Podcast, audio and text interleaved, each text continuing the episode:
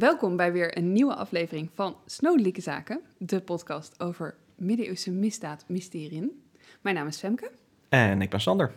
Welkom, welkom terug. Ja, leuk dat jullie weer met zulke grote getalen zijn eh, gekomen. dat, dat hopen wij dan Dat, maar. inderdaad, we kijken altijd duimend uit naar de eh, resultaten. Ja, Hoe is het met jou, Femke? ja eh, wel goed eigenlijk. Dat is fijn. Ja, en met jou? Ja, ook wel goed. Ja, wij, zijn, Ja. wij hebben elkaar recent nog gezien. Ja. Eh, niet, dat, dat klinkt nu, maar het is buiten de podcastopnames eh om eigenlijk.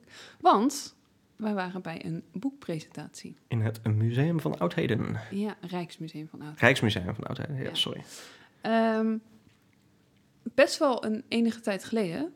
Volgens mij noemden we het trouwens in de vorige aflevering ook. Eh, onze aflevering over de uh, Vlaardinger toiletmoord. Ehm, zaak nummer 13. Ja. Die, eh, die zaak die baseerde ik groot, eigenlijk volledig op het onderzoek van Kees Nieuwenhuizen. Eh, we noemden hem toen ook. Hij heeft daar een eh, uitgebreide ja, onderzoek gepubliceerd online op zijn website. En deze man heeft inmiddels een boek uitgebracht. En daar waren wij bij, bij de boekpresentatie van dit Ja. boek. Niet zijn eerste boek trouwens. Hij Nee. heeft, eh, hij heeft, er, eh, heeft meer eh, ja, toegankelijke geschiedenisboeken eigenlijk. Zeker, maar dit was wel een boek in ons straatje. Exact, ja. Ja. We zagen de titel en toen wisten we, hier moeten wij bij zijn. Ja, want het boek heet... Moord en de doodslag. Ja, en het gaat over middeleeuwse moordzaken. Met een specifieke invalshoek. Eigenlijk iets wat wij ook wel eens, wel eens doen, is het kijken naar de verhalen die dan verteld worden over zo'n daad. Ja, eh, en hoe zo'n verhaal kan vervormen over tijd. ja een geschied, stukje geschiedvervalsing. Ja, Ehm, en hij richt zich specifiek op de lage landen. Ja. En daar zit onder andere ook de Vlaardingen toiletmoord in en Aleid van Poelgeest. Ehm, en ook een aantal zaken die wij al lang op ons lijstje hebben, maar ook een aantal zaken die eh, wij nog niet op ons lijstje hadden. Ja. Dus, wat gaan wij doen? Eh, wij gaan nog niet deze aflevering. Nee. Maar in ieder geval de volgende aflevering een zaak uit dit boek pakken. Ja. Eh, want het- nou ja, het zijn gewoon prima zaken voor snodelijke zaken. Goeie En het, een van de, ja, precies. Een van de leukere dingen eh, die ik, wat mij direct opviel, is er zitten ook veel zaken bij uit eh, de vroege middeleeuwen, uit de centrale middeleeuwen. Ja, en wij gaan toch automatisch heel vaak naar die, die late middeleeuwen, ja, omdat er meer materiaal beschikbaar is en we er meer ervaring mee hebben. Ja. Maar juist het vroeger is natuurlijk leuk. Ja, dus dat is voor, ja, dat zorgt voor wat afwisseling. We hebben daarmee ook de gelegenheid om wat dieper in dat boek, ja, dat boek te duiken. eh, een beetje aandacht te geven aan dat Kees dit heeft gedaan. Ja. Ehm, ik denk dat we daar ook vaker bij terug gaan komen, maar in ieder geval de aankomende aflevering. Ja, precies. Ja. Maar nu nog niet. Nee. En nu, en dat heb ik vorige keer al aangekondigd, gaan we naar de late middeleeuwen, de late, late, late. Het was Maximiliaan van Oostenrijk, meen ik mij te Eh, herinneren. Helemaal correct. Ja, we gaan zelfs voorbij het randje 1500, Oké. Mensen waren daarna ook nog wel redelijk snodelijk, dus. Maar dat hebben we ook al eerder eh, meegemaakt. Ja, ja, maar ik vond dit een zaak.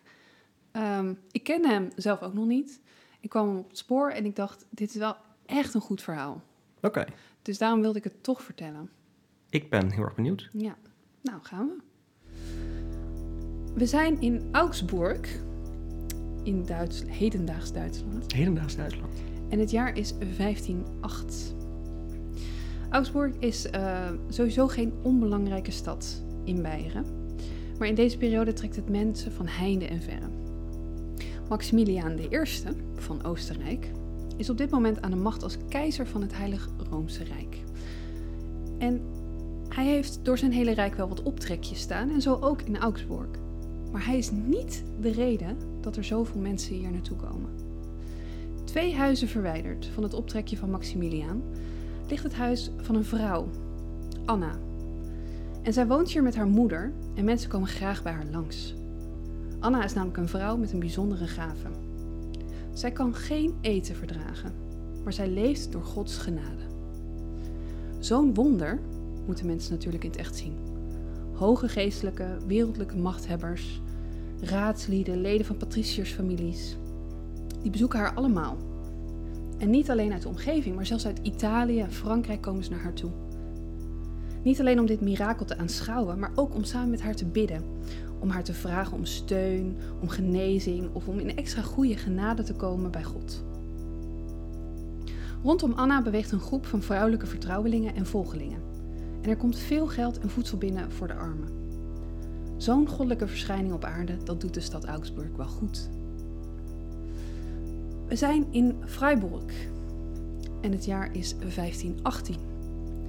Net als in Augsburg is Freiburg een vrije rijkstad binnen het Heilige Roomse Rijk. En ik moet hierbij zeggen, dit is niet Freiburg in uh, Duitsland, of het hedendaags Duitsland, dit is Freiburg in Zwitserland. Het zijn er twee. En in de maand mei in dit jaar is iedereen in deze stad in rep en roer. Er is namelijk een grootschalig gerechtelijk onderzoek geweest naar twee inwoners van de stad. Op het oog gaat het om een normaal burgerlijk stel, maar men fluistert dat ze zich schuldig hebben gemaakt aan leugens en oplichting. Na het onderzoek wordt aangetoond dat de verdenkingen kloppen en de vrouw bovendien een rol speelt in een veel groter bedrog, waarbij goddelijke voorzienigheid is geveinsd. Het vonnis volgt, dood door verbranding. De vrouw stort zich op de grond en ze smeekt om genade. En het werkt een beetje. Haar dood wordt omgezet in een dood door verdrinking. En op een dag in mei, in de rivier de Sane, vindt Anna haar dood. Heavy. Ja, ja. Oké. Nou, misschien heb jij de link al gelegd. Ja, nou ja, ik zag, voor, ik zag maar zo voor dan mensen die dan in de rij staan voor dat huis zo, om dan zo te kijken, ah, oh, en dan heb je allemaal iets van twee minuten de tijd. En deze eet inderdaad niet, weet je wat, dan kan je weer naar huis. ja, ik ga daar zo wel wat dieper op in, okay. wat daar dan allemaal omheen gebeurt. Uh, maar in, beide Anna's in dit verhaal zijn één en dezelfde. Ja. Um, haar naam is volledig Anna Laminiet. Uh, en ze staat in die contrij, dus in Beieren, uh, de Duitsstalige gebieden richting Zwitserland dus ook, uh, tot op de dag van vandaag bekend als een van de grootste oplichters in de vroege 16e eeuw. Ja. En je ziet ook een beetje die tegenstelling, hè? want in, in Augsburg is het, het, het, toonbeeld van een gemoedelijke, vriendelijke situatie. Ja. Ja. typisch heilige en mirakelverering, zoals we die wel vaker hebben benoemd in de middeleeuwen. Um, en dat is het eigenlijk ook, want Anna is een levende heilige. Zo profileert zij zich. Ja, ja. Dat vond ik wel uh, ja, interessant dat... gegeven. Ja. Maar hoe kom je op zo'n positie? Ja, ik, ik, dit, dit, dat is ook zo'n... Ik verwonder me daar wel eens over. Hè? Want ook, ook in, in, de, in de, de huidige tijd heb je natuurlijk aparte spirituele bewegingen... waar dan ook af en toe zo'n zo'n zo'n uh, figuur zit die, uh, uh, nou ja, die zichzelf een hele speciale rol aanmeet. Ja. Ik vraag me toch dan af hoe, hoe, hoe kan het dat dat in je hoofd groeit, zeg maar. Nou ja, misschien, misschien komen we daar wat dichterbij vandaag. -huh. Dat weet ik niet. Ik ben hier zelf ook behoorlijk gefascineerd door. Ik vind ja. hedendaagse, zeg maar, ja, ik noem het toch al gauw secteleiders, altijd heel intrigerend. Wat maakt dat mensen daarvoor vallen? Ja. Um, en ik vond dit, toen ik het las, een beetje een voorbeeld van zo'n secteleider. Ja. Maar goed, dat, dat gaan we merken. Dus, uh, ik ben heel erg benieuwd. veel uh, weggeven. Um, we weten niet zoveel van Anna in haar jeugd. We weten een aantal dingen. We weten dat ze uit een ambachtsfamilie kwam uit Augsburg. Uh, dat ze geboren is rond 1480. En dat ze zich vermoedelijk al wel als jong meisje niet zo goed gedroeg. Want we weten wel uit een bron dat ze op jonge leeftijd al een keer aan de schandpaal genageld werd.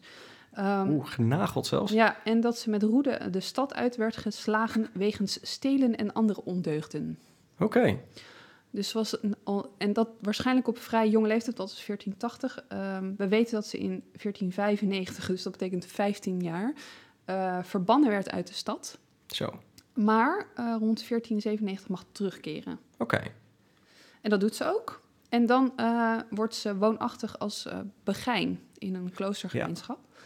Ja. Um, nou, hier wonen dan meerdere arme en ongehuwde vrouwen. En die dan gratis kosten en inwoning krijgen, vaak door een weldoener. Dat is hier ook het geval, is de familie Heern. Dat is een hele belangrijke familie in de stad. Kun je, als je daar uh, naar zoekt, nog steeds van alles vinden. Die hebben een kapel en weet ik wat dan niet. Um, en in ruil voor die kosten en inwoning uh, moeten die vrouwen dan uh, diensten bijwonen en herdenkingsmomenten voor deze familie. Ja, het bidden voor het zielenheil van uh, ja. de familie. Ja. En daarnaast doen ze graven onderhouden en aalmoezen uitdelen aan de armen, dat soort gezellig werk.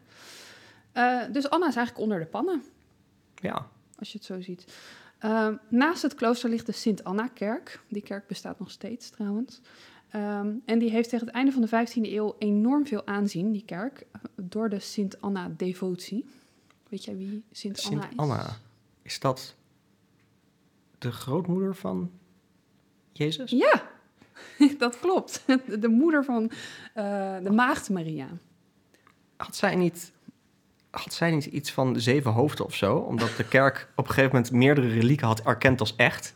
Oh, dat weet ik niet. Dat zou zomaar kunnen. Maar Ja, dit is ook echt zo'n stukje trivia wat, wat heel goed een, een urban legend kan zijn hoor. Maar leuk voor pubquiz. ja, Nee, ja, zij is inderdaad eh, eh, de, de oma van Jezus of eh, de moeder van de maagd Maria. Ehm, volgens enkele evangeliën die het niet tot de Bijbel eh, hebben geschopt, zeg maar. Dus eh, we hebben bijvoorbeeld het evangelie van Jacobus, de tweede eeuw na Ja. Christus. Daar komt zij voor het eerst voor. Er zijn ook verschillende varianten van waarom zij dan weer zo bijzonder was. Ja, je hebt ook eh, in de middeleeuwen, zeker eh, naar de late middeleeuwen en in de 16e, tij- eh, 16e eeuw, van die soort van spin-offs. Een, een verhaal, een kort verhaal dan over ehm, de, de jeugd van Jezus bijvoorbeeld. Mhm. Er is een andere, is een, die heb ik toevallig heb ik een facsimile van iets van de geschiedenis van het kruishout. En dan wordt er ook beschreven dat het hout van het kruis, dat dat ook al een of andere fantastische route had afgelegd. Die, wat het ook eigenlijk al heel erg speciaal en sacraal maakte. zeg Ja, maar. alles om dat te benadrukken ja, natuurlijk. precies. Ehm, maar goed, in deze tijd is die kerk voor Sint Anna eh, dus echt een belangrijk centrum voor de verering van die heiligen. Het zal me niet verbazen als ze daar ongetwijfeld ook een hoofd of iets anders hadden liggen. Eh, heb ik niet opgelet, moet ik zeggen. Oké. Ehm, en er is een goede kans dat, dat Anna in deze contraien verneemt over bijzonder vrome figuren in die periode, die door een visioen of door andere goddelijke boodschappen een mystiek leven gaan najagen. Dat is in die tijd Ja. een trend. Ja, het is natuurlijk sowieso in de, sowieso in de late middeleeuwen, maar Zeker. helemaal de late 15e eeuw een opleving van die leken Ja.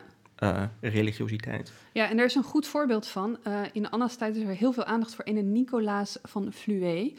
ehm, die tien jaar daarvoor, dus het is echt nog heel recent voor hun, ehm, in, ja, is overleden. Dus in 1487 gaat hij dood. Deze man had twintig jaar eerder, dus in 1466, zo- sorry, 1467, ehm, had hij een visioen gehad waarin hij een werkpaard zag dat een, die, dat paard dat had een lelie op. En dat was natuurlijk de ultieme boodschap van God. Een aanwijzing dat zijn werkzame bestaan eh, ten koste ging van het spirituele leven, wat hij kon hebben. Ja, dat, dat is overduidelijk. Dat, Dat, dat, was betekent. evident. Ja, Als ik een werkpaard zie eh, eh, dat een lelie opeet, nou dan weet ik het meteen. ja, Ehm, nou, en Nicolaas ook. Dus hij laat zijn vrouw en tien kinderen achter en hij wordt kluizenaar. een sympathieke vrouw.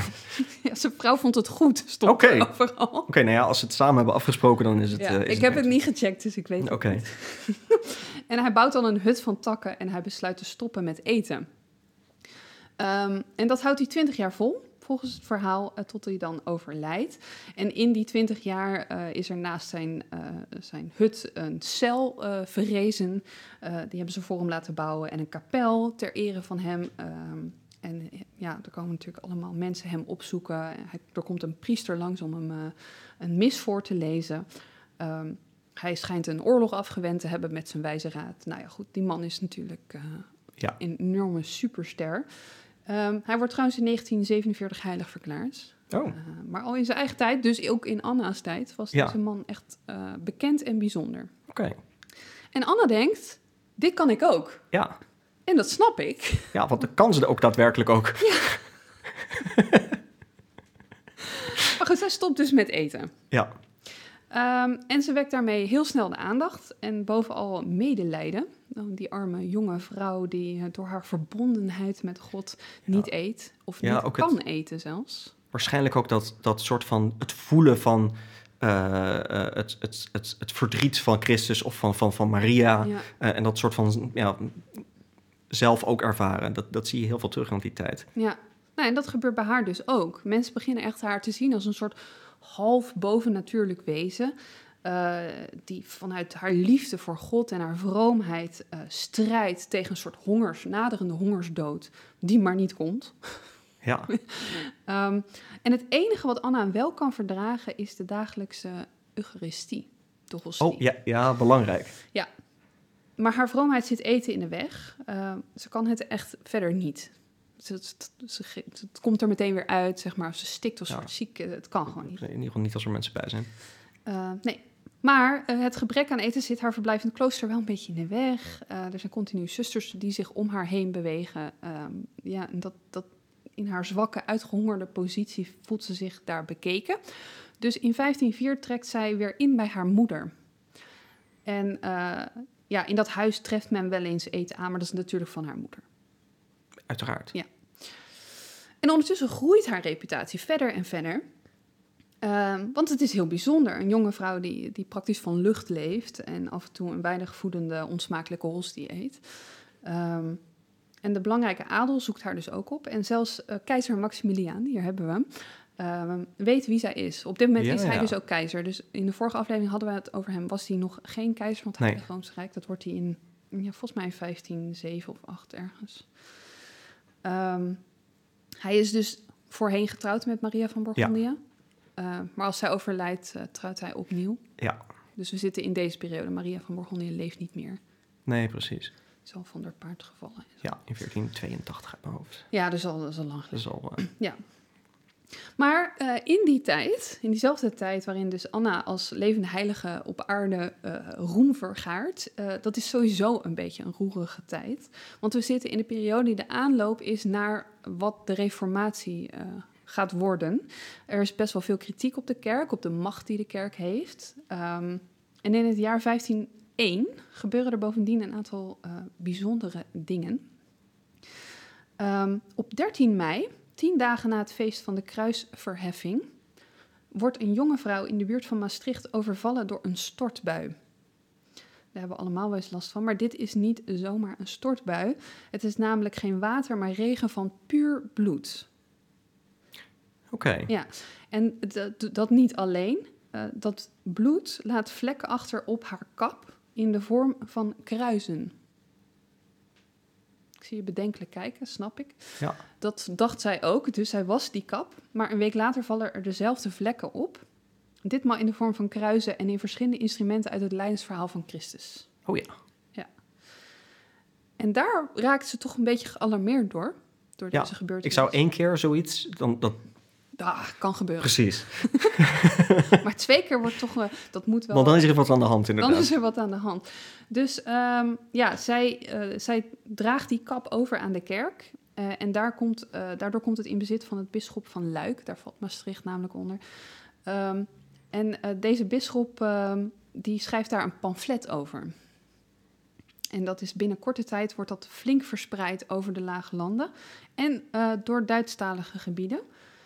En het blijft ook niet bij de jonge vrouw in Maastricht. Nee, eh, verschillende soortgelijke gebeurtenissen worden gemeld waarbij regen van bloed vlekken in de vorm van kruisen achterlaat op kleding en op de huid. Ja, ja.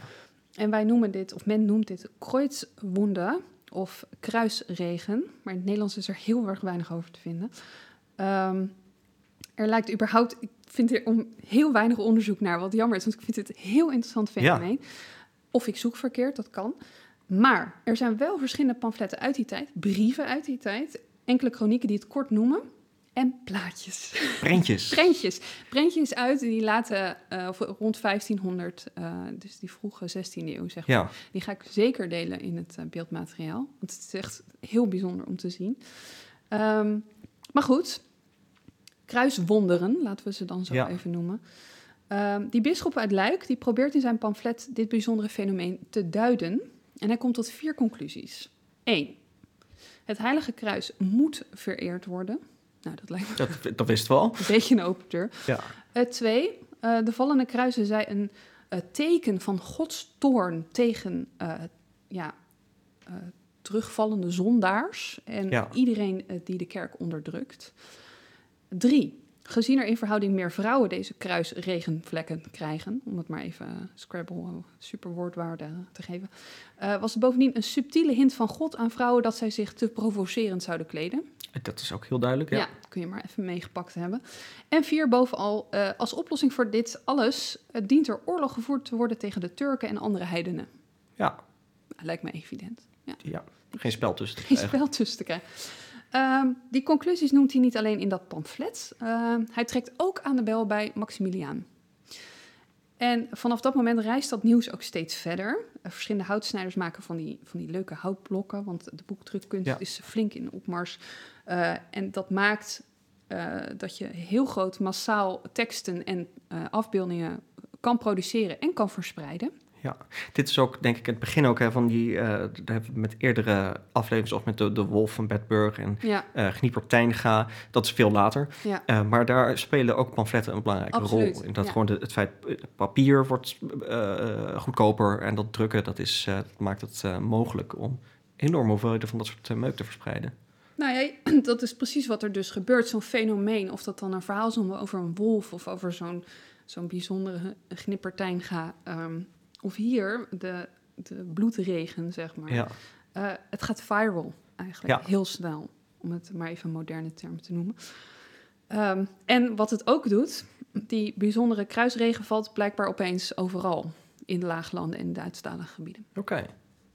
Toevallig op dezelfde plekken waar ook pamfletten terechtkomen, of niet? Het zou misschien een klein verbandje kunnen zitten. Ja. Uh, maar ook Maximiliaan is uh, onder de indruk van, uh, van dit alles. Hij, hij schenkt hier echt aandacht aan. Hij onderzoekt enkele van deze voorbeelden, lappen stof die hij onder ogen krijgt, weet ik wat om niet, hoogst persoonlijk.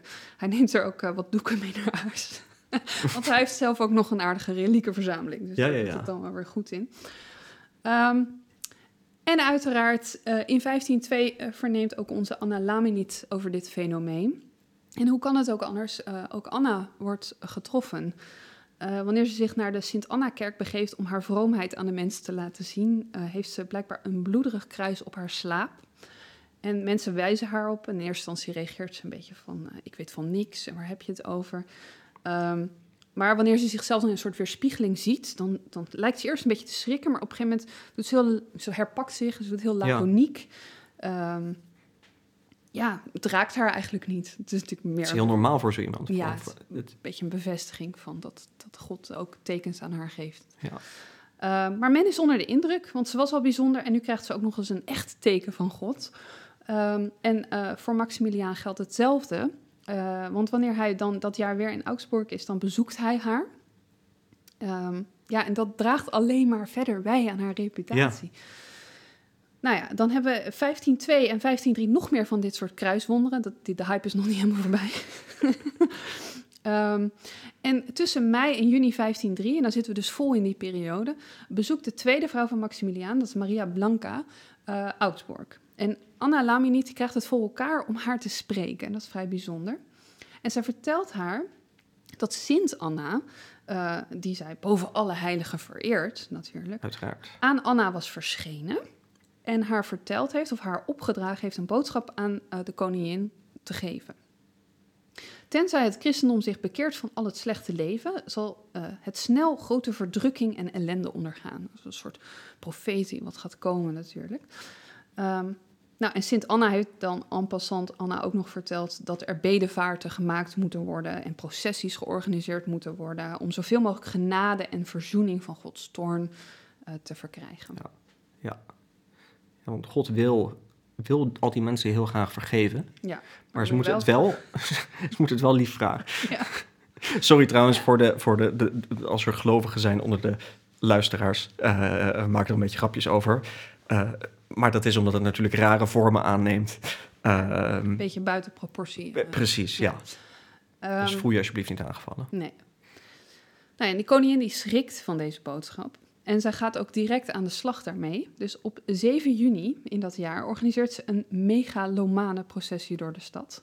De geestelijkheid van de kathedraal uh, in de stad, uh, de verschillende parochies, nonnen van verschillende kloosters, uh, scholen en een enorme menigte aan mensen, zowel van in de stad als buiten de stad, nemen deel. Um, het aantal deelnemers zou volgens verhalen zelfs groter zijn dan het aantal inwoners van de stad op dat moment. Oké. Okay. Ja.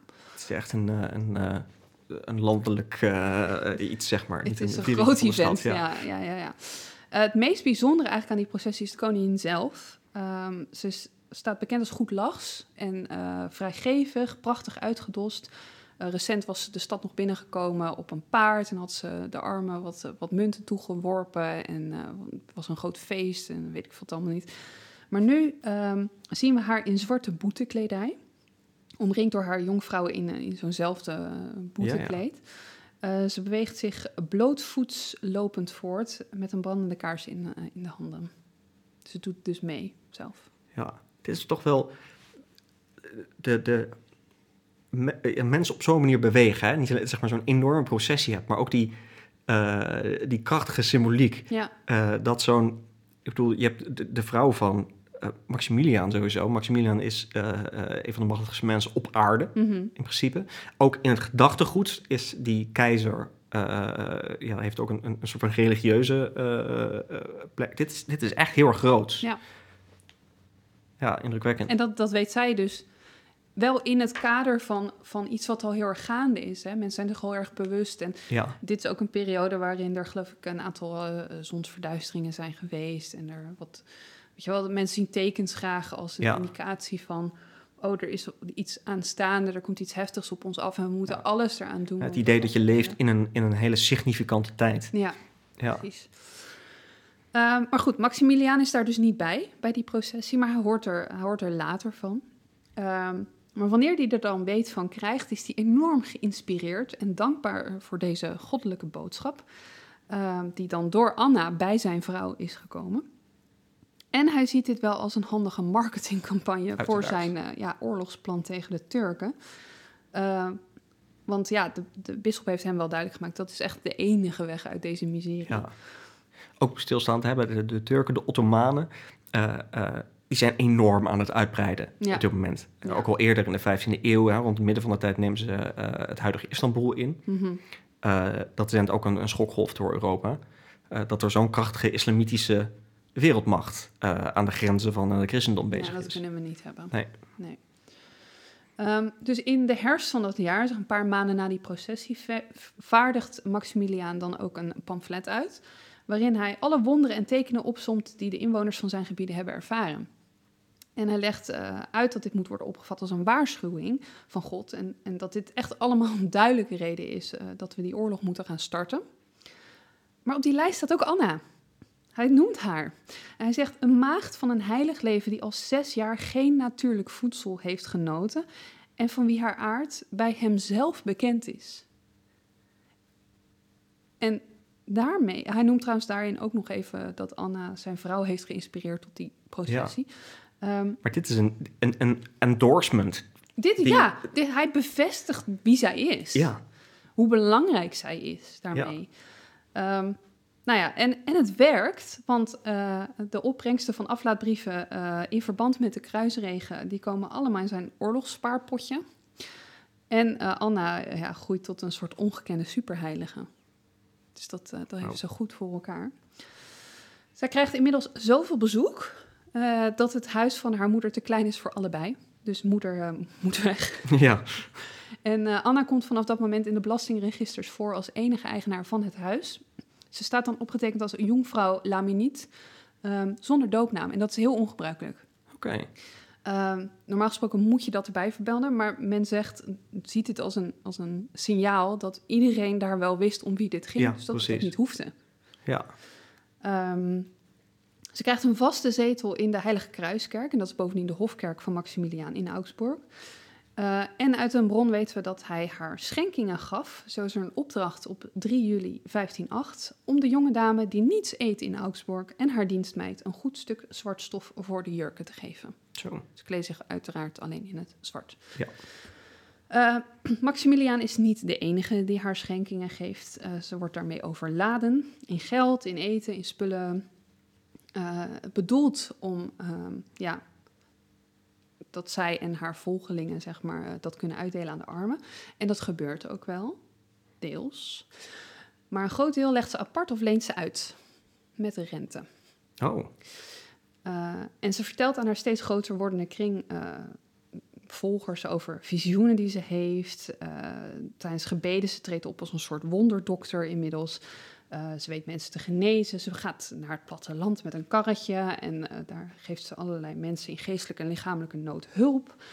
En haar vermogen wordt groter en groter. Uh, het wordt geschat rond de 1500 tot 1600 gulden. En als je bedenkt dat het huis van keizer Maximiliaan in Augsburg 800 gulden kostte, dan Zo. kun je je voorstellen dat ze een hele rijke heilige is. Ja. En al die tijd eet ze dus niet. Als mensen erbij zijn. Ja. Nou, kijk, en daar komen we. Om haar eten, of eigenlijk niet eten, eh, vormt zich inmiddels een soort show. Want Anna, eh, die, ehm, die leeft eigenlijk alleen van de hostie, Ja, zoals ik al zei. Eh, maar ook dat kan ze eigenlijk niet verdragen. Dus als ze dat dan ontvangt, in haar mond stopt, dan gaat ze slikken en proesten en hoesten. En, en alsof het vastzit in haar keel en direct irritatie geeft. Om maar te Mhm. laten zien hoe moeilijk dit is voor haar om, Ja. om te eten. Dat kan eigenlijk bijna niet. Ze heeft zelfs een keer geloof ik aangegeven dat ze wil dat dat ding kleiner wordt gemaakt. Maar daar, daar ging ze toch niet mee akkoord. Ik weet niet waarom, maar goed. Ehm, ze lijkt dus bijna over te geven. eh, ja, het is, het is, een part of the act. ja precies. Je voor dat, dat, dat dat ding op je tong wordt gelegd, dat die vervolgens vastzit tegen je verhemelte. Dat je dan de hele tijd zo... Het is ook wel een vies ding, moet ik zeggen. Maar goed. Je hebt nog nooit eh, het plezier gehad om Nee? een te proeven. Oh, het is een beetje de keren dat ik... Maar ik weet niet, misschien is dat, was dat toen anders dan nu. Weet ik eigenlijk niet. Mhm. Het smaakt dat een beetje zo naar eetpapier. Oké. Misschien is dat het ook wel. Nou, het is natuurlijk een vrij eh, dun. Maar er zijn wel allemaal regels over wat er aan ingrediënten wel niet in mag Ja. zitten, begreep ik. Maar goed, dat, dat is een ander pad. Ehm, naast dat zij dus een hele schare vrouwen en als trouwe volgeling om zich heen heeft, eh, zijn er ook wel steeds meer rijke en vooraanstaande heren in haar geïnteresseerd. En daar heeft Anna natuurlijk ook een verdienmodel voor. Eh, als je als edelman het privilege wil om met haar om te gaan, dan moet je daarvoor betalen. En dat gebeurt. En daar hebben we één naam voor. En dat is, eh, het beste man is Anton Welser. En de familie Welser in Augsburg is een hele belangrijke familie van kooplieden. Eh, hij is bovendien burgemeester van Memmingen. Dat is een eh, stadje iets, iets ten zuidoosten of zo van, eh, van Augsburg. Ehm, hij maakt verre handelsreizen. Ze zou die helemaal tot India eh, geschopt hebben, geloof ik, een keer. Wauw. Eh, hij is echt die upper class, deze man. Ehm, en Anton heeft uiteraard ook een guitig optrekje bij het huis van Anna. Ze komt goed uit, hij is er vaak. En volgens kroniekschrijvers komt uit deze omgang een zoon. Ah, Ja, het is, een wonder. nou ja, daar, er wordt niet zo heel erg gezegd wat dat dan betekent, een heilige hebben als minnares, of dat zij Ja. dan überhaupt zwanger raakt. Eh, ik wil dit alvast noemen, want ik ga er verder nu even niet op in, maar onthoud dus, er is een kind ergens. Ja. Goed. Rond 1511, vastentijd, eh wordt Anna weer bezocht door een, een toonaangevend persoon. En dit is een Augustijner monnik. Eh, en deze monnik heeft er een lange reis op zitten. Hij is door verschillende gebieden in het Rijk eh, rond gaan reizen. Hij is bij de paus op bezoek geweest. Hij heeft tijdens zijn reis binnen het katholieke geloof, de kerk, zelfs bij de paus, heeft hij zaken gezien die volgens hem het daglicht niet zo kunnen verdragen. Dus hij is een beetje zagrijnig, Ja, dus een, een kritische... eh, Kritisch, kritisch man. Hij, hij, volgens hem draagt dat, druist dat in tegen alles waar het geloof voor staat. Ehm, en in de buurt van Augsburg verneemt hij dan van Anna. En dat wil hij dan ook wel eens even gaan bekijken, hoe dat dan zit. En Anna wil hem ook wel ontvangen, dus hij wordt echt vriendelijk binnengehaald. Ehm, en de beste monnik die heeft wel een beetje medelijden met haar toestand in eerste instantie. Je ziet inderdaad een, een vermagerd mensje. En hij vraagt haar dan ook van, joh, je bent, bent op sterven na dood. Ehm, het is, moet, moet heel moeilijk voor jou zijn, zo'n hongerstrijd en het onvermogen om te eten. Ehm, zullen we God anders vragen om compassie te hebben, dat je mag sterven en naar de hemel kan gaan? Maar daar wil ze niets van weten. Ze zegt tegen hem dat ze op aarde weet hoe het is om te leven en dat ze dat in de hemel helemaal niet weet. En dat is niet het antwoord wat die monnik wil horen. Nee. Want de hemel is een soort van het hoogst haalbare. Ja, nee, maar dit is het, het beste wat je je voor kan Ja. stellen, de bedoeling. Dus dat is, dat is een nonsens antwoord. Dat druist ook in tegen het geloof volgens Ja. hem. En dat, dat ondermijnt haar heiligheid. Het wel echt, een loeihard voorstel. Hé, hey, maar... eh, het is maar- leuk hier, maar... eh, Ja, maar tegen een heilige kun je dat wel zeggen. ja, precies. Ja. Ja, Ehm, zeker als, natuurlijk als het gaat om het toestemming vragen aan God om dat te doen. Het zeker. is niet zomaar... Nee, eh, het is niet zomaar iemand ombrengen. nee. Oh, eens even. Ehm, maar hij ziet dus ook door in haar nabijheid te zijn eh, hoeveel geschenken zij ontvangt, hoe groot haar fortuin is, ehm, dat ze niet echt heilig gedrag vertoont. En deze monnik zal later, jaren later, schrijven over zijn bezoek aan Anna. In een van zijn vele kritieken op de misstanden op de, eh, eh, in de katholieke kerk. Want deze monnik is heel bekend. Want dit is de man die op 31 oktober 1517 uh, de reformatie echt in gang zet. Dit is, uh, dit, dat doet hij door 95 stellingen uh, te schrijven over de wantoestanden in de katholieke kerk en deze daarmee aan te klagen. En zo gaat het verhaal. Deze aan een deur van een kerk vastspijkert. Wie is deze man? Dat is ons grote vriend. Mm, ja. Luther. Precies, dit is Maarten Luther. Ja. En die heeft Anna dus bezocht. Wauw. En over haar geschreven. Ja.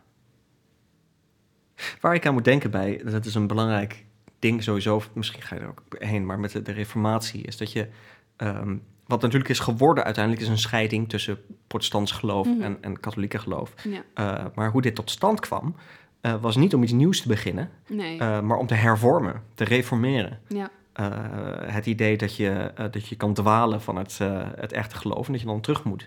En zo zie je eigenlijk in de hele middeleeuwen dat er om de zoveel tijd dat soort uh, hervormingen plaatsvonden. Minder groot dan de reformatie. zeker. Maar dat dat heel erg in het, in, in het systeem was. Dat ook bepaalde bedelorden die dan werden opgericht. Om, om nee, nu gaan we echt dat armoede-ideaal doen. Ja. Nou ja, twee eeuwen verder uh, zaten er gewoon een paar dikke broedertjes. Die zaten daar uh, met je wijn te drinken. En nou ja, dan komt er een nieuwe Ja, bedelorde. en die zijn wel echt arm. Ja. Nou, en je, je hebt al vanaf, denk ik, de moderne devotie uh, een soort van een aanloop hier naartoe. Ja. Uh, Ja, wat natuurlijk interessant is hier, is die dimensie van de leken erbij. Want die Ja. zijn steeds uh, uh, actiever geworden eigenlijk in hun eigen religieuze leven. mhm. Kerk heeft er ook meer aandacht voor. En je hebt die pamfletten die steeds meer mensen kunnen lezen. En die helpen ook hè, in het Ja. verspreiden van dit, dit verhaal. Uh, maar goed, ik vond het heel interessant dat, dat zo'n toon, toonaangevend figuur in Ja. deze, dit deel van de geschiedenis dus haar heeft bezocht, over haar schrijft. Uh, zij is bij uitstek een voorbeeld van wat hij vindt dat er mis is. Ja, En dat, dat maakt het zo interessant, denk ik. zeker. Maar goed, Wa- wat heeft hij over haar geschreven? daar kom ik straks op. Oké, ja. Ehm, nou ja, goed. In deze periode, dus zo 1511 zitten we, eh, begint het geloof in haar wel een beetje scheurtjes te vertonen. Er zijn wat vertrouwelingen die afhaken. eh, en die verspreiden verhalen dat Anna niet oprecht zou zijn. Ehm, maar het vindt niet heel veel gehoor. Eh, ondanks dat is er wel een groep die oproept om haar te testen door autoriteiten. Ah. Dus eh, ja, hoe kan het dat iemand zo lang niet eet? Dat, dat vinden ze raar. Dat is ook raar. Ja. Dus ze willen een onderzoek, een soort medische observatie. Maar zij verweert zich. Ze zegt, ja, dat, dat, dat vindt ze onwaardig en dat vindt ze zelfs beledigend. En ze doet zoveel goed voor mensen, dus waarom wordt er aan getwijfeld? En daar komt ze dus ook wel weer mee weg, door het zo te sturen. Uh, maar die verhalen die nemen toe en die bereiken uh, ook plekken buiten Augsburg, zoals het um, uh, Pütlich-klooster in München. En hier woont de hertogin van Beieren. Bovendien is zij de zus van Maximiliaan. Haar naam is Cunigonde. Wauw. Ja. dat vond ook een bijzondere naam, Ja. maar zo heet. En zij vindt het een beetje een raar verhaal, Anna. Dus um, zij wilde het met eigen ogen zien. Dus wat zij doet, is zij nodigt uh, Anna uit in het klooster als eregast. En um, ze weet dat Anna uh, reizen meestal uh, weigert, omdat ze daar te zwak voor zou zijn. Dus ja, hertogin die informeert eerst per brief en die benadrukt tijd dat ze een eregast is. Kan jij de reis maken? En Anna die bevestigt. Maar, zo zegt Anna, ik kan niet zomaar uit Augsburg, want uh, ik ben heel belangrijk in deze stad. En uh, de hertogin moet eerst maar even toestemming vragen bij de raad. ja, of Anna dan even weg kan van haar goddelijke ja, taakje, zeg maar. Ja, uh, maar de hertogin heeft er een beetje lak aan. Anna heeft gezegd dat ze kan reizen, dus die stuurt een koets, die laat haar ophalen. En uh, nou ja, Anna heeft wel het idee, oké, okay, ik kan niet helemaal weigeren. Het is toch de hertogin en zo. Ja. Um, en die gaat dan vervolgens ook aan iedereen rondbazuinen. Nou, de hertogin heeft mij uitgenodigd als Oh, eregast. Dus ik, uh, kijk, kijk eens, dit is mijn bevestiging van mijn belang en van mijn heiligheid. Ja. En op 16 oktober 1512 rijdt ze dan de, de stad uit. En uh, kort daarop wordt ze inderdaad eervol ontvangen in het klooster. En ze krijgt dan een aparte kamer toegewezen om uit te rusten van de reis. En ze doet dan mee met uh, gebedsdiensten. Ze brengt heel veel tijd met de nonnen door. Ze spreekt veelvuldig met de hertogin. Maar wat Anna niet weet, is dat de hertogin de kamer speciaal voor Anna heeft voorbereid. In de deur zijn kleine gaatjes gemaakt, waardoor Anna in de gaten gehouden kan worden. En dat, uh, dat gebeurt dus ook. Dus wanneer Anna uh, alleen op haar kamer is en zich niet bekeken voelt, kijkt op dat moment de hertogin mee. En wat ziet ze? Uh, Anna haalt twee zakjes uit een kleine kist.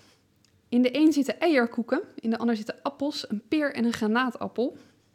En dat verstopt ze onder haar bed. En de volgende dag ziet de hertogin hoe uh, Anna een aantal van deze etenswaren opeet. En ze vraagt enkele zusters mee te kijken. Zo van, oh, even te bevestigen van wat ik zie. Dat zien jullie toch ook? En dat zien ze. Maar de hertogin zegt even niks. Ze laat het even gaan. Pas op 21 oktober, dus vijf dagen later, of na aankomst eigenlijk, um, maakt ze er dan een einde aan. Dus ze, ze, ze, ze stuiven zo die kamer in en uh, ze trekt die zakjes onder het bed vandaan. En ze vertelt Anna uh, wat ze gezien heeft. En niet alleen verwijt ze Anna dan een leugenachtig leven, uh, ze sport Anna ook aan om ermee te stoppen, om haar leven te beteren. Want dit hoort natuurlijk niet. Um, ze biedt bovendien aan om het geheim te houden als Anna maar belooft te stoppen en te gaan eten. En dan heeft ze daar zelfs een oplossing voor. Anna moet maar gewoon vertellen dat ze uh, door de hertogin eten aangeboden kreeg, dat ze dat niet wilde weigeren. Dus dat ze het maar uh, geprobeerd heeft, dat ze het binnen wist te houden. en dat ze daarom had besloten om weer te gaan eten. En in eerste instantie vindt Anna dit helemaal niks. Dus die probeert zich te verdedigen. Maar ze begrijpt, ja, dit, hier kom ik niet zo goed meer mee weg. um, dus vervolgens belooft ze dan toch maar te gaan eten. En ze valt dan vervolgens een soort monoloog over hoe een reis naar, naar um, München een gelukkige voorzienigheid uit de hemel is geweest. Uh, die haar uit deze zorgwekkende situatie heeft gered. Oh, en trouwens, uh, voordat de uitnodiging bij haar binnenkwam, de avond van tevoren was er ook nog een engel aan haar verschenen en die had oh, ja. het al aangekondigd. Oh, oké, natuurlijk. Ja, ja, dus ze wist het eigenlijk ook al wel. Um, nou, en de hertogin vindt dit waarschijnlijk een enorme larikoek, maar die praat maar gewoon mee. En ze sluit af met, met wel een dreigement. Als je ooit weer zegt dat je niets eet, dan stuur ik een rapport naar Augsburg en dan vertel ik alles van wat hier gaande is. En dan, dan ga, ik, ga ik gewoon je echt je leugens aan het licht brengen. Ja, precies. Nou, en Anna wordt meegenomen naar de eetzaal wordt daar brood en mede voor gezet. um, en weer gaat Anna dat trucje uitvoeren. Hè? Dus weer gaat ze hoesten ja, ja, ja. en doen alsof ze het niet naar binnen krijgt. Waarop de hertogin zegt, weet je wat, dan halen we toch je eierkoeken? Geen probleem. En dan denkt Anna, hm, misschien moet ik dan toch maar even brood en mede nemen. Dat, dat is wat lekkerder, dus een variatie. Dus dan krijgt ze dat zonder problemen naar binnen. En de volgende dag denkt de hertogin, het is prima, we brengen niet de linea recta terug naar Augsburg brengen. Uh, ze houdt de zakjes met het eten als bewijs. Nou ja, en uh, Anna die heeft onderweg uh, tijd om zich een beetje te bezinnen. En die wordt echt met, met een minuut bozer. dus tegen de tijd dat ze in Augsburg is, dan is ze echt verbitterd en vernederd. En vastbesloten om gewoon door te gaan met haar praktijken.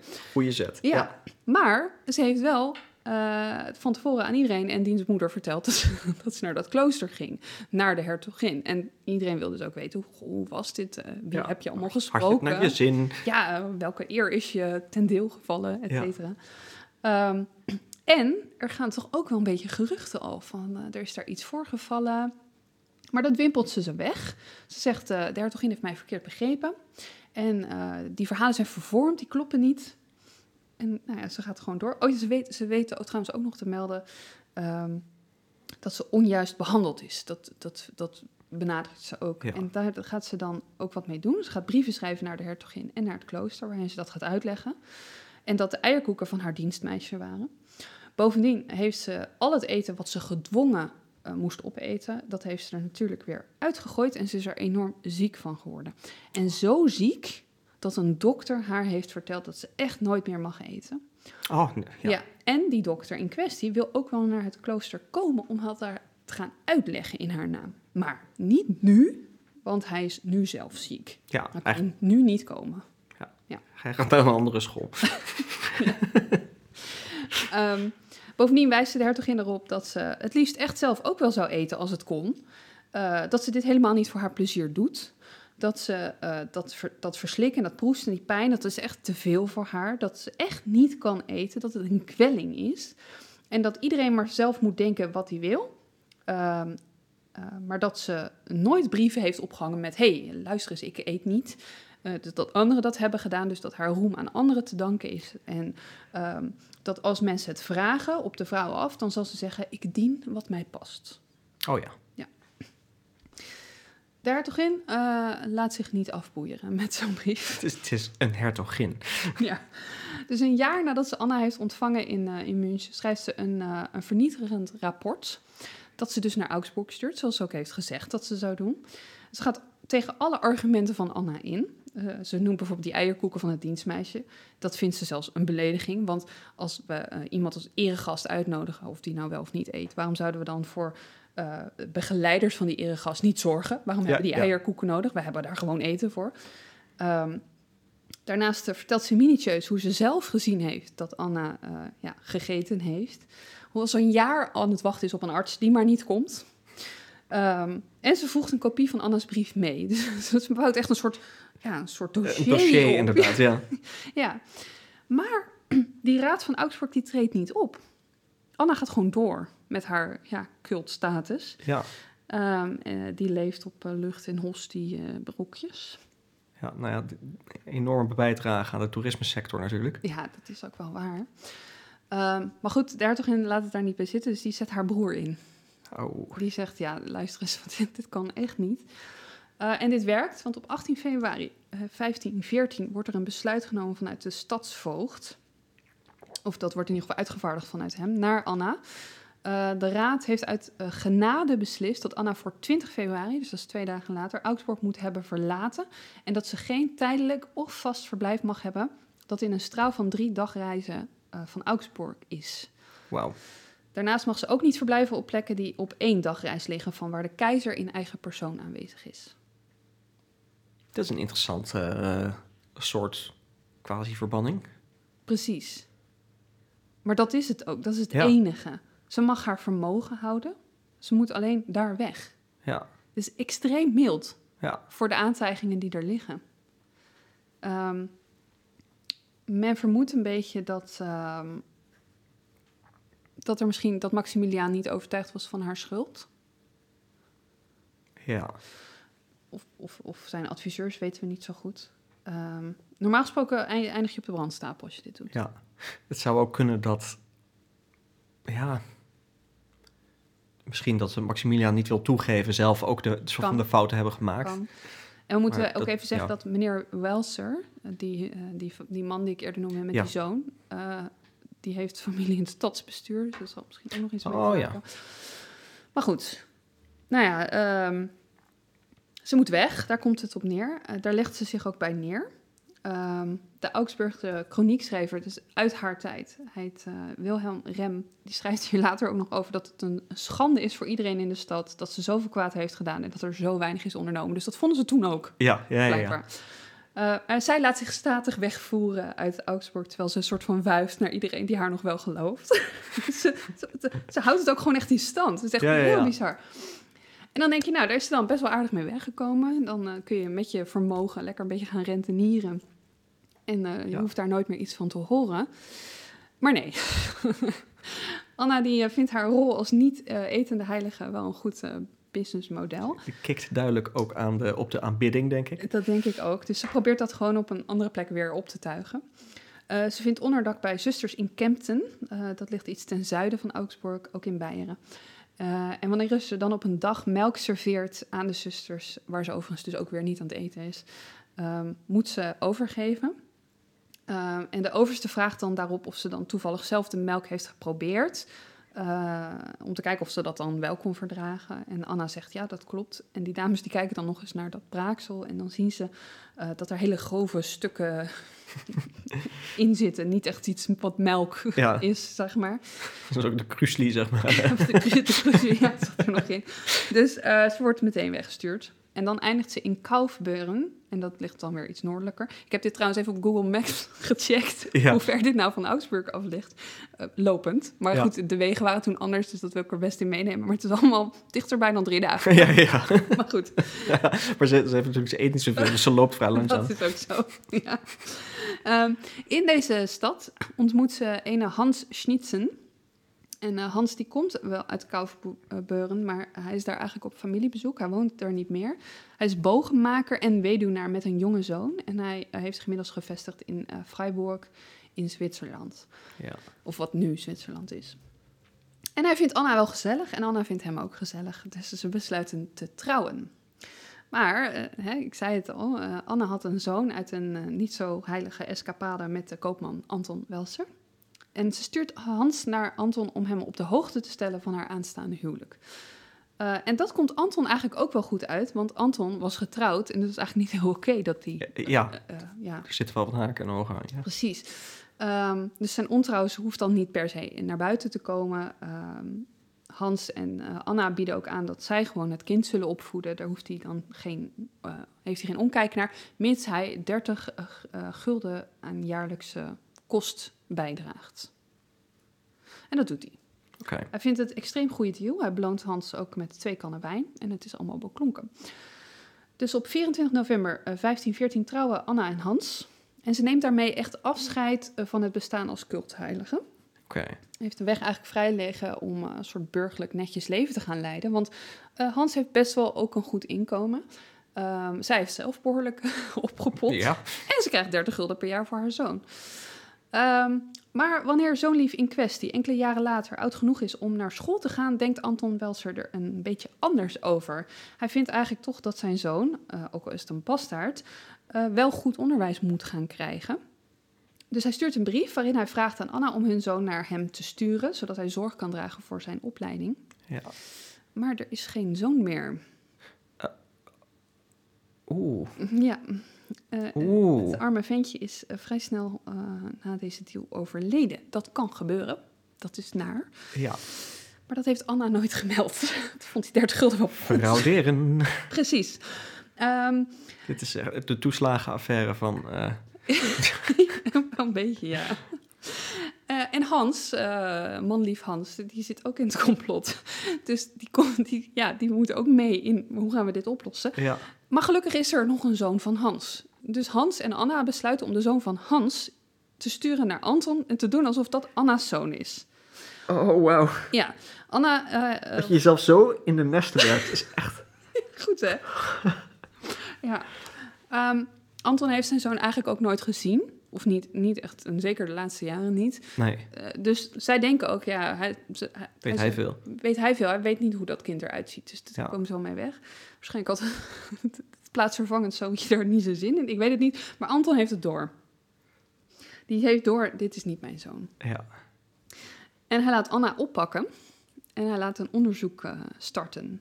En dit is het onderzoek eh, wat in 1518 in eerste instantie leidt tot de bekentenis over de oplichting van Anton en over zijn zoon, zeg maar. Maar, er komt wat meer boven water. ja, zeker. En daar staat dan wel bij, en dat is de enige ja, kanttekening hierbij, onder marteling, eh, geeft Anna ook toe dat, hoe ze haar leven in Augsburg ehm, ja, heeft ingericht. Hoe dit eigenlijk één grote leugen was. Ja, En daarmee wordt zij eh, veroordeeld tot de brandstapel. Waar, eh, waarbij ik al zei, uit genade wordt dit omgezet naar een verdrinkingsdood. Ja. Op 5 mei 1518, op 40-jarige leeftijd, overlijdt ze. Dat is een, eh, een vrij harde straf voor, een, eh, voor deze misdaad. Maar goed, andere tijden. Ja, maar ze heeft wel echt, echt zich misdragen, hè? Ja, dat klopt. Ze Ja. heeft echt behoorlijk misbruik gemaakt van Ja. mensen. Door te doen alsof. Ja, Ja, kijk, ik, ben, ik vind niet dat we tegenwoordig nog mensen moeten verbranden of moeten verdrinken. Maar, nee. maar zij, zij had wel nu een flinke celstraf moeten krijgen. Ja, precies. Ehm, het verslag van haar rechtszaak eh, in Freiburg wordt naar eh, Augsburg gestuurd. Eh, maar zoals ik al zei, de familie Welser is daar heel invloedrijk en Anton wil geen eerverlies. Dus het wordt niet voorgelezen in de raad. Oké. Want zijn, volgens mij zijn schoon, schoonzoon zit daarin of zo, weet je wel, zoiets. Ja, Maar pech voor Anton, want de mondelinge overlevering doet ook zijn werk. eh, en het verhaal bereikt eh, Augsburg wel ver, eh, of, Augsburg en ver daarbuiten. En dat leidt ertoe dat dit verhaal wordt opgetekend door verschillende kroniekschrijvers. ja. En dat is dan misschien ook meteen een mooi brugje naar hoe kennen we dit verhaal? De meeste moderne bronnen hierover, onderzoeksbronnen, zijn in het Duits en vind ik erg schaars. Ik heb me gebaseerd op een, een stukje of een, een, een- ja, een verhaal waarin het volledige verhaal uit het doek wordt gedaan. Dat komt uit 1924. Ja, En eh, verder vinden we het in wat artikeltjes terug, maar meer in een soort groter kader. Dus niet specifiek over haar. ja. Het komt langs als deel van een grotere ontwikkeling, eh Ja, groter onderwerp. Precies. Ehm, en ik merkte bij mezelf ook dat ik op een gegeven moment een beetje ging twijfelen aan hoeveel waarheid zit hierin.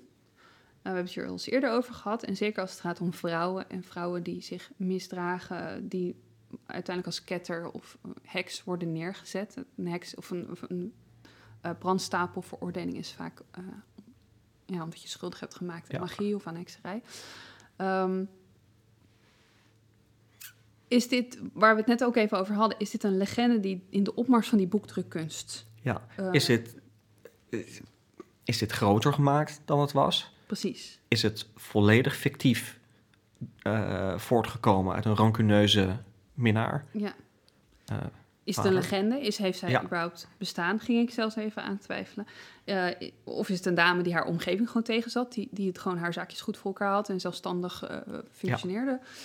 Ja. Um, maar ja, nou, laten we even kijken. We hebben de chronieken van Wilhelm Rem. Ik noemde hem net uh-huh. al. Hij is uh, een Augsburgse chroniekschrijver. Hij vult de Augsburgse chroniek die er al was aan tot 1511. Dat is dus ten tijde van Anna zelf. Ja. En hij schrijft nog een, een, eigen aanvulling erop, een nieuwe versie tussen 1512 en 1527. Ook ten tijde van Anna en daarna in zijn eigen leven. Uh, hij leefde tijdens haar leven, laat ik het zo zeggen. Um, en in beide chronieken zijn passages over haar te vinden. Ja. Um, we hebben een optekening van Jacob Fugger de Rijke. Hij is een uh, Augsburgse bankier. Hij schrijft geen chronieken, uh, maar hij schreef wel over haar. En uh, hij is een van de belangrijkste financierders van Maximiliaan en diens opvolger. Um, Interessant trouwens dat die naam, die achternaam Fugger, ja werd op een gegeven moment een scheldwoord voor oh, ja. uh, bankieren en uh, voor Italianen, vreemd genoeg, omdat er oh. natuurlijk veel bankieren tussen zaten. Hij was wel een Duitser, denk ik. Ja, precies. ja, nee, het was inderdaad een, een Duitse, Duitse bankiersfamilie. Ja, en hij was echt, echt hij heeft zijn eigen Wikipedia-pagina, joh. Hij, is, ja. hij was extreem rijk, deze man. Um, maar ja, ik heb dit ook verteld. We weten van het bezoek van Maarten Luther. Maarten ja. Luther schrijft hierover. Hij schrijft er wel pas over in 1540. Dus ja. best wel flink erna. Maar hij beschrijft het in het geheel in zijn verslag over zijn reis die hij maakte in 1510, 1511. Um, hij vertelt, en dat vroeg je net, uh, over een hoer in Augsburg, zo zegt hij dat. Die uh, doet alsof ze niet eet, drinkt of fysieke behoeften doet. Maar, zo zegt Luther, dat was allemaal onzin. Subtiele man. ja. ja. Um, nou ja, het verhaal van Wilhelm Rem wordt overgenomen door andere chroniekschrijvers. Uh, we hebben de Poolse Dominicaanse Bzovius en de Nederlandse Gisbertus Voetius, die ook uh, over Anna schrijven. Wel, okay. Weliswaar flink later. Um, kunnen we kanttekeningen bij plaatsen chronieken zijn vaak ook gekleurd en nemen ook wel eens Ja. buitenproportionele versies aan. Maar we hebben brieven, we hebben officiële documenten die erop wijzen dat er in Augsburg een dame was die tot 1514, het moment dat ze wordt weggestuurd, um, zich positioneerde als een heilige en geen eten verdroeg. En dat dat voor waar werd aangenomen. Want Maximiliaan, er is een, er is een, een aantekening dat hij een schenking doet aan Ja. haar. Waarin wordt genoemd dat ze niet eet, Ja. niet kan eten. Ehm, we hebben eh, haar opsomming in die lijst, eh, waarin hij goed praat dat hij, dat hij de oorlog gaat voeren. ja. Eh, Waarin hij specifiek zegt dat hij het uit in principe eerste hand Ja, hij heeft het gezien. geverifieerd heeft. Ja. Ja. En dat geeft mij toch het gevoel dat ze dit heeft gedaan. Ja. Zijn die bronnen van de hertogin, eh, hoe, hoe zijn die bewaard gebleven? Is dat, wordt dat vermeld in de kroniek of zijn er ook nog documenten van? Vooral in de chroniek. Ja, Eh, ik moet dit even nog dubbel checken. Maar wat, ik, wat we wel hebben, en die ga ik ook in het beeldmateriaal delen, is eh, de opdracht van Maximiliaan dat ze uit Augsburg weg moet. oké. Dus die is ook. Dat is ook een duidelijke indicatie dat het. Dat het Ja, Dat dus dan hebben we het niet over of het wel of niet is gebeurd, maar alleen of is de grootte van het, van het verhaal, is dat accuraat? maar ik Ja. denk dat we wel kunnen aannemen dat, er, dat zij heeft. best- nou ja, dat twijfel ik niet over. Dat, dat er een vrouw was die dacht. "Mm, Ja, hier kan ik aardig eh, geld aan verdienen. Ja, ik gedraag me zo. En dat dat op een gegeven moment eh, ja, is doorzien en dat Ja. ze is weggestuurd. ja, En men zegt, en ook dat is wel de mening van de moderne wetenschappers, dat ze, dat het aan het, dat ze ten val is gebracht echt door de oplichting van die Anton met die ja, zoon. precies. Ehm, en dat, anders was ze er waarschijnlijk helemaal mee weggekomen. Ja, inderdaad. Ik, vind het, eh, ik vind het in ieder geval interessant. Ja, waar, waar mij ook aan deed denken zijn, is, is dat is ook in het kader van eh, sectes op dit moment. Je hebt de Breatharians, die eh, doen alsof ze alleen op zonlicht en, eh, en zuurstof overleven. Ja. Uh, en daar krijg je toch ook de indruk van, van ja, sommige daarvan zullen gewoon, gewoon expliciete charlatans zijn. Maar ik krijg toch het idee dat sommige van die mensen dit werkelijk geloven. En mogelijk de momenten dat ze eten, een soort van voor zichzelf wegkaderen als een, dit is een uitzondering. Mhm. Uh, en dus zeggen van ja, normaal, uh, want er zijn Ja, mensen die ja. eh, eh, testen zijn ondergaan, die ze dan hebben stopgezet op een gegeven moment omdat ze moesten eten. Maar die dus echt daadwerkelijk overtuigd waren van dat ze die test in principe konden halen. Ja, bizar. Ja, Ik, en er was een paar jaar geleden ook in het nieuws zo'n woongroep in Utrecht van mensen die bijna niet aten, geloof ik. ja. Ehm, waarbij toen een van die mensen overleed. Eh, maar in mijn herinnering waren zelfs na het overlijden van die vrouw, de rest van die, van die groep was overtuigd van dat dat wel echt kon wat zij deden. ja. Ja. Dus dit is niet, zeker niet iets middeleeuws. Eh, Nee, nee, inderdaad. Nog steeds dezelfde, dezelfde mens in principe. Ja. Nou ja, wat, wat wel ook tof is, of tof, ik vind dat wel interessant. eh, Anna is geschilderd of getekend in haar leven. Oké. En die hebben we nog. Oh, Dus die ga ik zeker in het beeldmateriaal delen. in wat voor context is dat eh, ge- is die afbeelding gemaakt? Ehm, ik heb dat ergens opgeschreven. Moet ik er heel even bij pakken. Ik heb dan namelijk... eh, Ergens in de aantekeningen neergezet. Ja. goed verhaal. ja. Ehm, Ja, het, is grappig, want je hebt, er zijn trouwens ook meer van dit soort eh, vrouwen in de late middeleeuwen en vroegmoderne tijd. Die, eh, er is ook zo'n gewoonte in, eh, ik weet niet of die buiten de lage landen ook gebruikelijk was, maar vrouwen die zich lieten inmetselen. mhm. Dat klinkt heel extreem.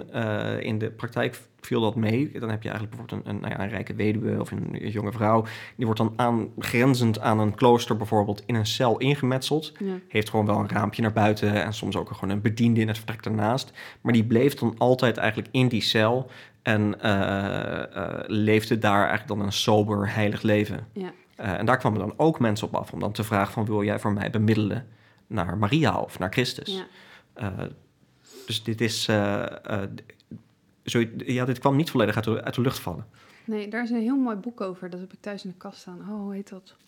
Fictie? Nee, dat gaat over die vrouwen die zich in laten metselen. Er is namelijk één in Utrecht die dat heeft laten doen. Ja. Dat is bij die kerk bij dat klokkenspel tot Pyramid Museum. Daarachter zit dat volgens mij. Ja. ja, er is ook een. eh, ik heb dat boek, maar ik heb hem nog niet gelezen. Dat is dus wel eigenlijk historische fictie. En dat gaat over twee eh, vrouwen. eh, hoe heet ze? Marjorie Camp. en nog een andere. Ik ga deze ook aan jou doorgeven voor bij de Dat plaatjes. is goed. We zijn nu in real time aan het nadenken. Dat is ook wel een. Ja, maar om terug te komen op die schilderijen. Ehm, er zijn er dus twee en ze zijn, voor zover wij weten, allebei gemaakt in de periode dat men nog in haar geloofde. Eén is eh, van ene Hans Holbein de Oudere. Toen zou ze Ah. ongeveer 25, 27 zijn, ergens rond die tijd. Ja. 1505, 1507 gemaakt. Ze wordt daar afgebeeld als een non. Ehm, wel niet een hele knappe non. Oké. Beetje moeilijk kijkend, eh, borstelige wenkbrauwen. Eh, Het tweede portret eh, bevond zich in de kunstkamer van de hertogen van Beieren. Ehm, en eh, had de toelichting een schilderij met daarop het portret van een vrouw die Amaliten, dus dat is een beetje een soort verhaspeling van een naam, eh, wordt genoemd, die de mensen in München en Augsburg, oh deze is wel later, sorry, Ehm, met verzonnen heiligheid overtuigde dat ze niet at en alleen door Gods genade werd onderhouden. Maar uiteindelijk, nadat de bedriegerij aan het licht gekomen was, vertrok, met een man trouwde en ter dood werd veroordeeld door hun gedrag. Ehm, Interessant dat dat schilderij in die collectie is gebleven. ja, maar het gekke is dat schilderij is wel verloren gegaan. Alleen, er is een kopie van. En die is er Ah, nog wel. Ja. Ehm, En waarschijnlijk komt het voor in, eh, in, in, in lijsten van eigendommen. ja. Eh, Nou, daar, daar, ze hebben het in bronnen. Dat, Ja. Dus daarom weten ze ook. Het heeft in de Staatsbibliotheek van München gelegen. Die, die eerste en die tweede is er dus nog wel. Daar zijn gewoon plaatjes van. Eh, dus die ga ik delen. top. Ehm, even kijken. We hebben dan ook nog, nou ja, wat ik al zei. Ik heb dus ehm, een boekje uit 1924 gebruikt in het Duits. Dat, ik spreek geen Duits overigens, dus ik heb dat hele boek vertaald. Of dat hele boek, dat hele artikel vertaald om het hele verhaal te reconstrueren. Eh, maar het heet, eh, als je erin wil duidelijke, duiken, en dit ga ik vast verkeerd zeggen, maar goed. Die Geistliche Betrügerin Anna Laminit van Augsburg. En is geschreven door Friedrich Roth. En er zijn dus, wat ik al zei, wat losse artikeltjes. Ik zal er een aantal Ja. wel noemen als ik denk dat ze een, een aanvulling zijn. Ehm, ja, nou ja, wat we al zeiden, ik vind het absoluut een, uh, een secte-vibe hebben. Ja, ik vind het ook, dit is ook weer een verhaal uh, dat roept om een, een goede verfilming. Nou, dat is precies wat ik hier heb opgeschreven. Ik zei, dit, dit is, dit is een, een prachtige bodem voor een boek, ja. of een serie of een film.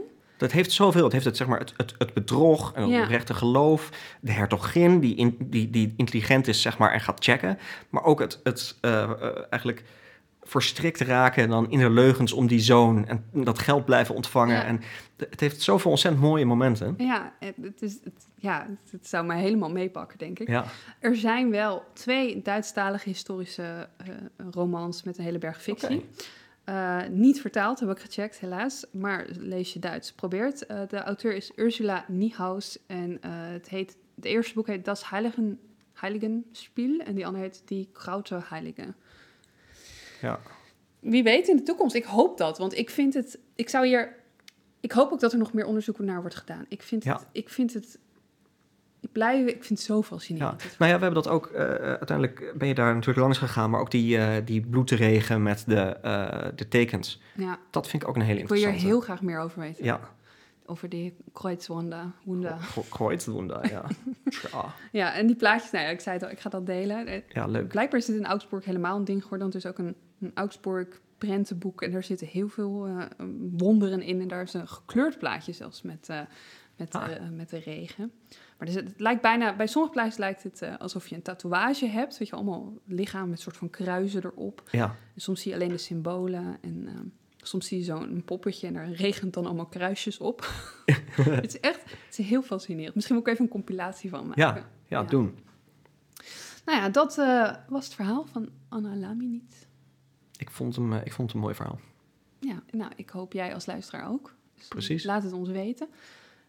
En voor nu denk ik tot de volgende keer. Tot de volgende keer. Bedankt voor het luisteren. Bedankt voor het luisteren.